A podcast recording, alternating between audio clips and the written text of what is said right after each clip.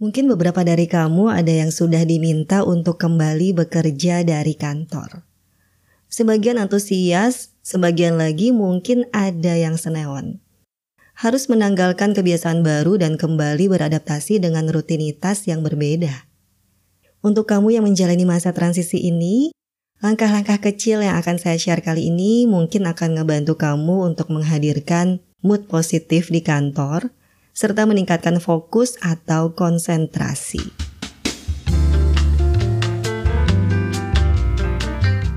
Kamu sedang mendengarkan Repair, Retelling Experience, Ideas, and Information. Kali ini saya akan retelling sebuah artikel seru dari portal Wired yang judulnya How to Use Science to Focus at Work. Tulisan ini berisikan tips untuk mengelola distraction dan ngebantu kita untuk bisa lebih fokus saat bekerja. Diramu dari berbagai macam insight gitu ya dari para expert neuroscience. Tips yang pertama, artikel ini mengajak kita untuk memahami dulu gitu ya bahwa otak kita punya batasan. Otak kita sesungguhnya nggak bisa untuk memproses begitu banyak informasi dalam suatu waktu. Akan selalu ada yang namanya kompetisi antara pekerjaan yang kita sedang lakukan dengan distraction yang hadir sekeliweran gitu ya di sekitar kita. Menurut seorang neuroscientist Nili Levy yang pertama memperkenalkan konsep load theory di tahun 1995, Intinya dia menyampaikan bahwa kalau kita mau fokus, kita harus menghindari brain overload. Dan salah satu yang paling efektif adalah dengan mengontrol paparan yang kita serap. Hal-hal kecil yang bisa dilakukan banyak sebenarnya. Di antaranya adalah kamu bisa mematikan notifikasi Slack atau Discord atau notifikasi email kamu gitu ya dan juga ketika bekerja, jangan memaksakan diri untuk bekerja sambil melihat atau mendengarkan berita. Dan jika memungkinkan, kamu juga bisa memposisikan monitor laptop atau PC kamu sehingga pandangan kamu dibatasi dari objek-objek yang sekiranya bisa mengganggu konsentrasi. Tips yang kedua, berhenti beranggapan bahwa kamu bisa multitasking mengingat batasan otak kita, penting buat kita untuk tidak membuatnya bekerja lebih keras gitu ya daripada yang seharusnya. Misalnya nih, kita memaksakan diri untuk balas email pas kita lagi Zoom meeting. atau mungkin balas WhatsApp gitu ya, atau mungkin bahkan ada yang terima telepon dulu. Dan ini menarik buat saya karena selama ini saya selalu merasa aneh gitu ya karena nggak multitasking. Tapi setelah baca artikel ini saya sadar bahwa pada kenyataannya kita memang tidak diprogram untuk multitasking.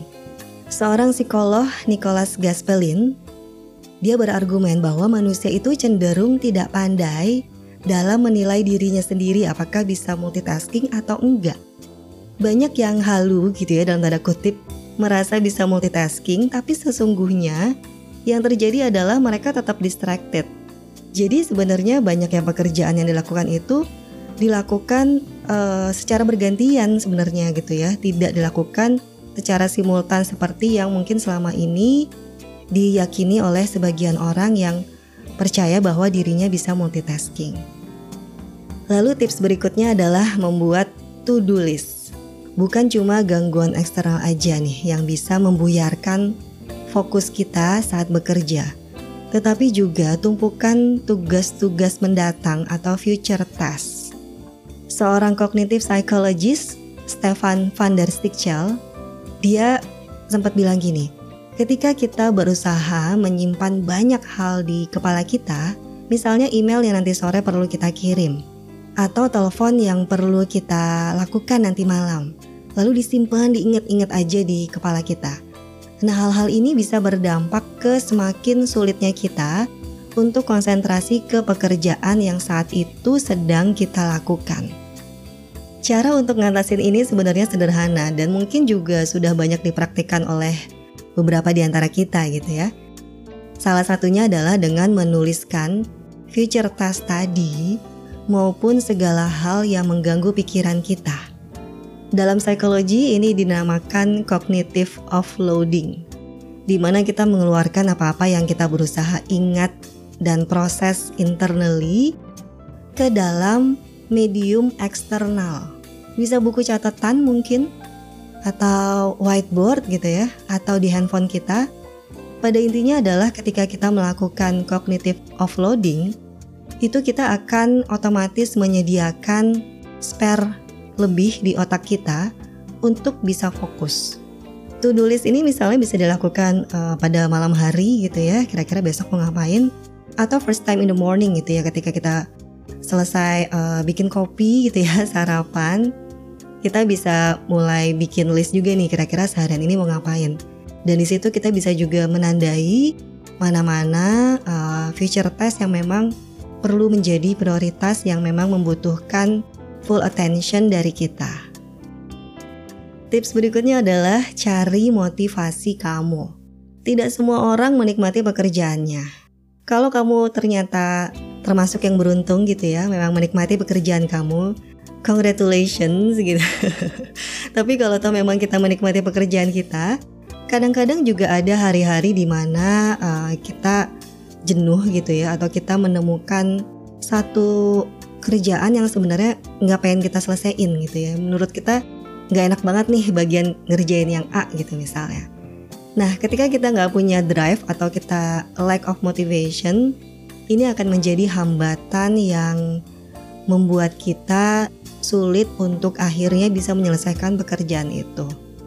Menurut neuroscientist Michael J. Frank dari Brown University, dia bilang bahwa menghadirkan cognitive motivation itu tuh penting banget gitu ya untuk bisa membuat kita mampu menyelesaikan pekerjaan.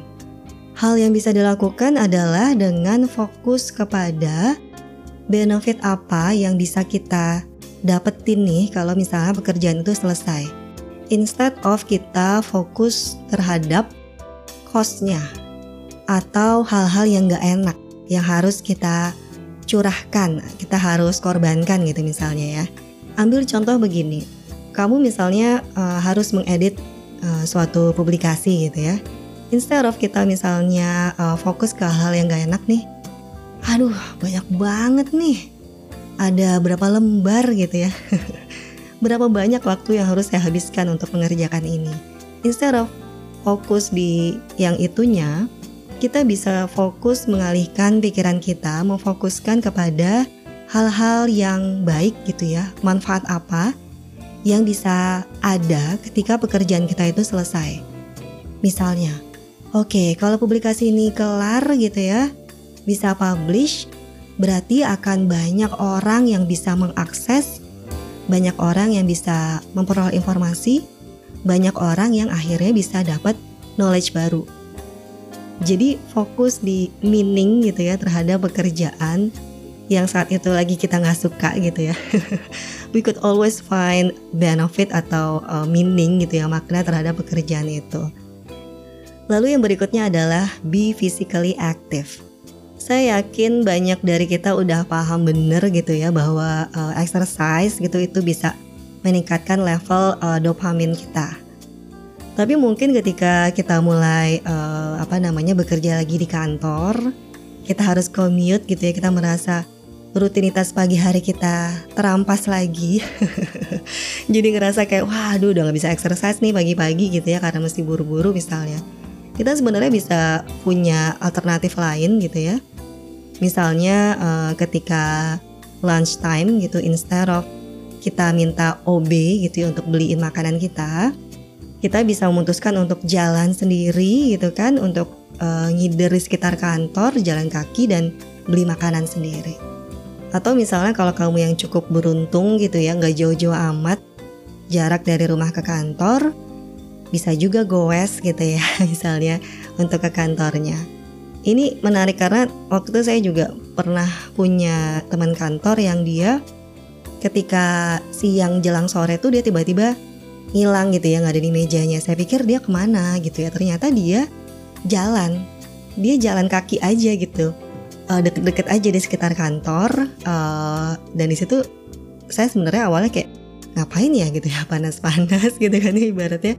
Tapi ternyata mungkin sebenarnya dia sadar bahwa dengan melakukan uh, physical activity tadi walaupun singkat walaupun approach-nya curi-curi waktu gitu ya tapi sebenarnya itu sangat beneficial gitu untuk bisa membangun kembali fokus uh, dan bisa meningkatkan konsentrasi kita. Dan di sini ada hal menarik yang disampaikan juga di artikel ini bahwa ketika kita exercise nih, kita sebenarnya tidak dianjurkan untuk sambil mendengarkan podcast gitu misalnya. Waduh ini saya banget nih. Karena ternyata ketika kita exercise itu baiknya adalah kita bisa membuat apa ya, membiarkan pikiran kita berkelana. Mind wandering. Ini ternyata katanya yang sebenarnya bisa ngebantu kita untuk memulihkan fokus kita Oke, kayaknya perlu dicoba ya. Instead of mendengarkan podcast ya mungkin bisa dengerin lagu aja kali ya ketika exercise. Yang berikutnya adalah bersih-bersih cubicle atau meja kerja kamu. Kenapa gitu ya? Karena semakin banyaknya stimulus visual yang terpapar di otak kita gitu ya, itu akan menambah load di otak kita. Jadi sebenarnya adalah penting banget buat kita bersih-bersih gitu ya, uh, meminimalisir barang-barang yang ada di meja kerja kita untuk mengontrol distraction dan membuat kita untuk bisa lebih mudah konsentrasi. Saya juga sebenarnya bukan orang yang seneng beres-beres banget gitu ya. Jadi saya biasanya ngakalinnya ya udah buku-buku pas segala macem alat tulis taruh aja di rak meja gitu karena ya emang bener juga ketika meja kerja itu berantakan gitu ya atau terlalu banyak barang kalau tahu ditata rapi tapi banyak barang itu juga sebenarnya ganggu juga sih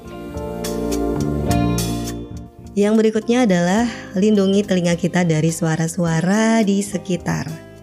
Buat kamu yang mungkin kurang beruntung karena punya tetangga meja yang berisik gitu ya. Atau misalnya kalau terima telepon instead of melipir keluar ruangan tapi bicaranya keras-keras di meja kerjanya. Asli itu mesti ganggu banget gitu ya. Dan mungkin dari kita uh, lebih memilih untuk pakai headset gitu ya, dengerin musik. Ini memang opsi yang bagus, tapi di sini ada insight menarik gitu ya yang disampaikan bahwa instead of kita memilih musik yang ada liriknya, kita bisa memilih musik-musik yang gak ada liriknya atau instrumental. Atau kalau toh musik-musik ada liriknya itu adalah lirik yang bahasanya kita nggak ngerti. Jadi mungkin kalau saya saya karena nggak ngerti bahasa Korea gitu ya, saya mungkin bisa mulai mencoba untuk mendengarkan K-pop walaupun tidak sesuai selera gitu ya. Tapi anyway, bener juga gitu ya karena sebenarnya saya juga pernah ngalamin gitu ketika saya harus melakukan sesuatu yang memang menuntut uh, fokus gitu ya. Saya justru malah terdistract nih ketika dengerin musik yang saya tahu atau saya suka. Jadi jadi ngebayangin liriknya gitu. Jadi akhirnya uh, saya memutuskan untuk dengerin uh, musik-musik instrumen aja gitu. Dan ternyata memang lumayan ngebantu gitu ya ketika memang kita lagi butuh ekstra fokus saat itu. Tips yang menarik juga di sini tentang musik gitu ya. Uh, di sini juga disampaikan bahwa kita juga bisa bikin dedicated concentration playlist.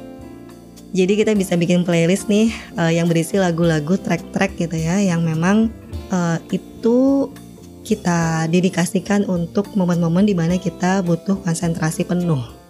Tips ini sebenarnya didasari oleh premis bahwa otak kita itu asosiatif. Jadi ketika kita mendedikasikan itu sebagai concentration playlist, ketika kita mendengarkan track itu, kita otomatis akan ngeh gitu ya bahwa oke okay, ini waktunya kita untuk fokus, fokus, fokus gitu. Jadi ibaratnya track yang ada di playlist itu tuh memberikan signal ke otak kita bahwa this is the time gitu ya kita perlu fokus.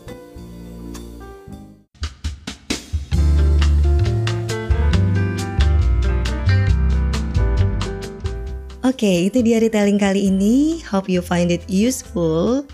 Nanti saya akan tuliskan juga link artikelnya di deskripsi di podcast ini. Tetap semangat ya buat kamu yang menjalani masa transisi kembali ke kantor atau masih WFH tapi lumayan struggling untuk mengelola distraction gitu ya. Saya percaya mau kerja dari mana pun, distraction pasti akan selalu ada. Baik yang kita create sendiri di internal kita maupun yang datang dari eksternal. Yang paling penting adalah bagaimana kita mengenali distraction itu dulu, lalu berupaya untuk mengerahkan effort gitu ya, akan hal-hal yang masih bisa kita kondisikan.